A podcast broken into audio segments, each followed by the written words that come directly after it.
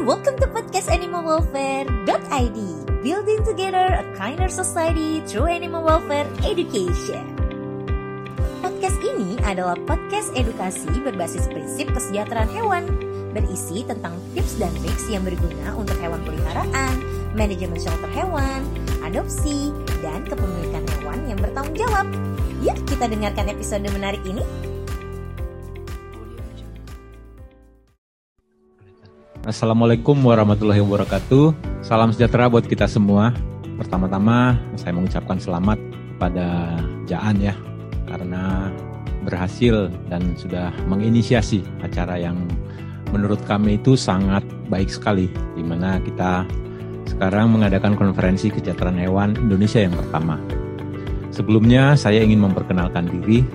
Saya dengan dokter hewan Hasudungan Asida Balok. Kenapa saya sampaikan uh, gelar saya dokter? Karena kebetulan S3 saya itu saya ngambil ilmu lingkungan. Jadi memang itu sangat berrelevan sekali dengan apa yang namanya konsep pembangunan berkelanjutan. Jadi pembangunan berkelanjutan itu adalah pembangunan sekarang ini kita tidak bisa mengorbankan hak dari uh, generasi yang akan datang.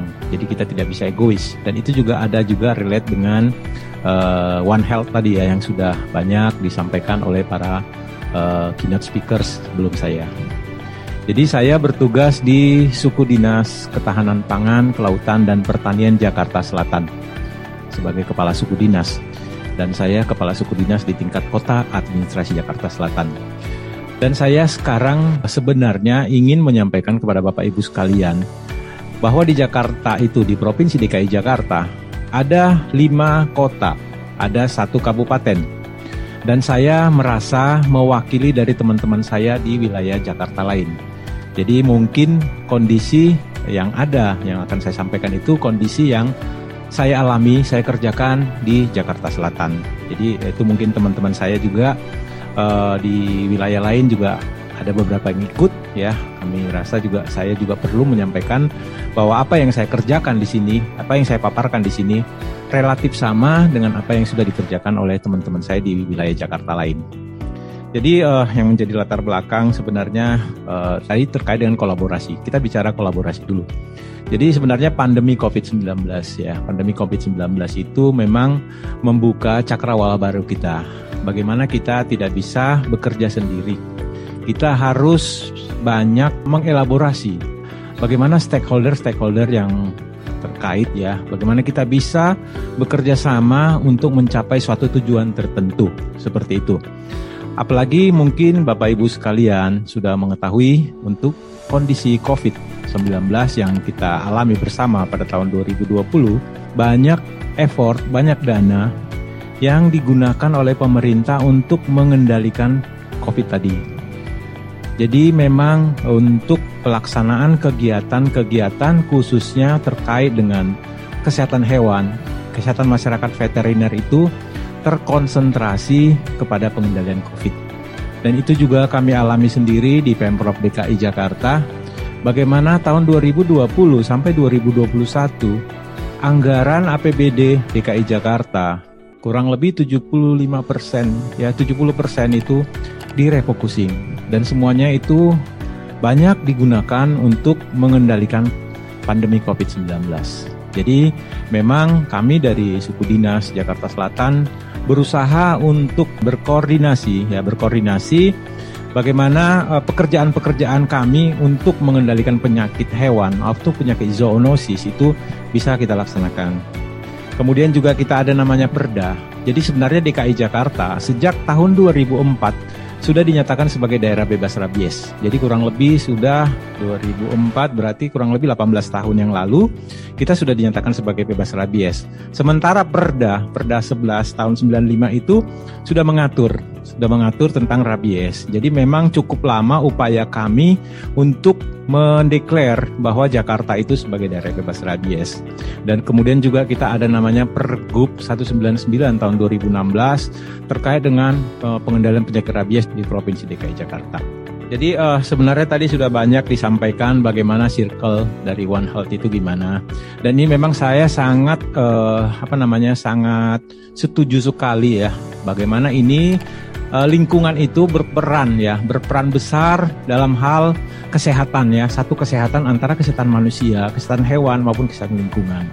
Ini uh, yang, yang yang menarik sebenarnya lima prinsip freedom dari uh, kesejahteraan hewan ini jujur saja saya baru tahu bahwa ternyata dari tahun 1965 ini sudah digagas oleh uh, salah satu peneliti dari Inggris tadi saya lihat. Dari tahun 1965. Bagaimana kita sangat ketinggalan sekali ya. Baru awal-awal tahun 2010 atau akhir 2010-an di Indonesia ini mulai kita galakkan. Sementara dari luar negeri dari Inggris saya lihat tadi dari tahun 90, 1995 sudah ada ya sudah ada dan mereka itu berarti memang sudah berpikir jauh ya berpikir jauh udah uh, untuk uh, penyakit-penyakit uh, apa namanya kesejahteraan hewan tadi. Jadi memang di Indonesia itu Indonesia juara dunia ya dalam hal konten ya sekarang ini banyak sekali konten-konten di media sosial ya orang berlomba-lomba untuk mendapatkan subscriber, untuk mendapatkan like ya, untuk menjadi viral, FYP segala macam. Ternyata di Indonesia itu paling banyak sekali.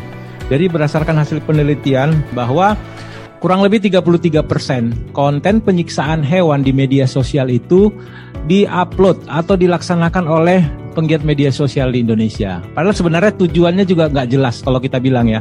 Tujuannya hanya untuk supaya viral aja, supaya dia ngetop sesaat. Padahal tidak tahu bahwa apa yang dilaksanakan itu sebenarnya sangat uh, bertentangan dengan prinsip kesejahteraan hewan tadi.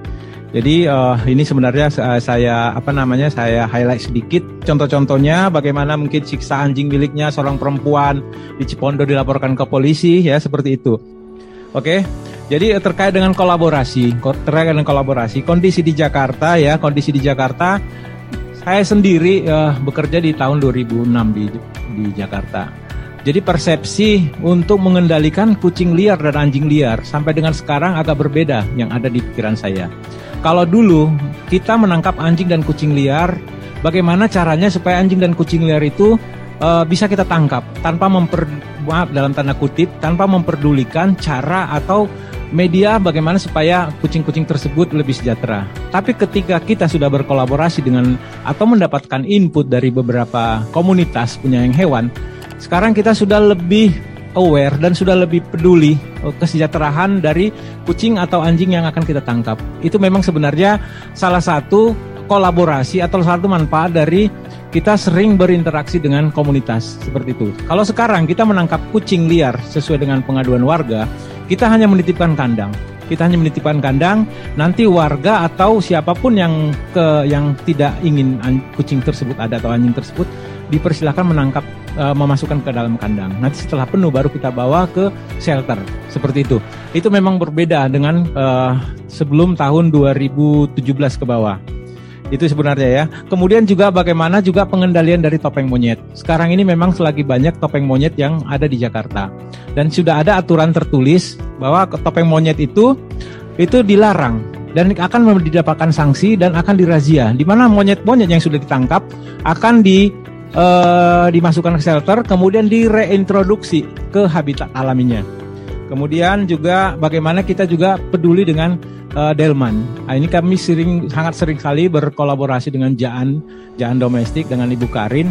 Bagaimana kita melaksanakan uh, apa namanya vaksinasi, vaksinasi tetanus, pemberian obat cacing, kemudian juga uh, mensejahterakan uh, para kusir Delman, terutama pada masa pandemi COVID-19.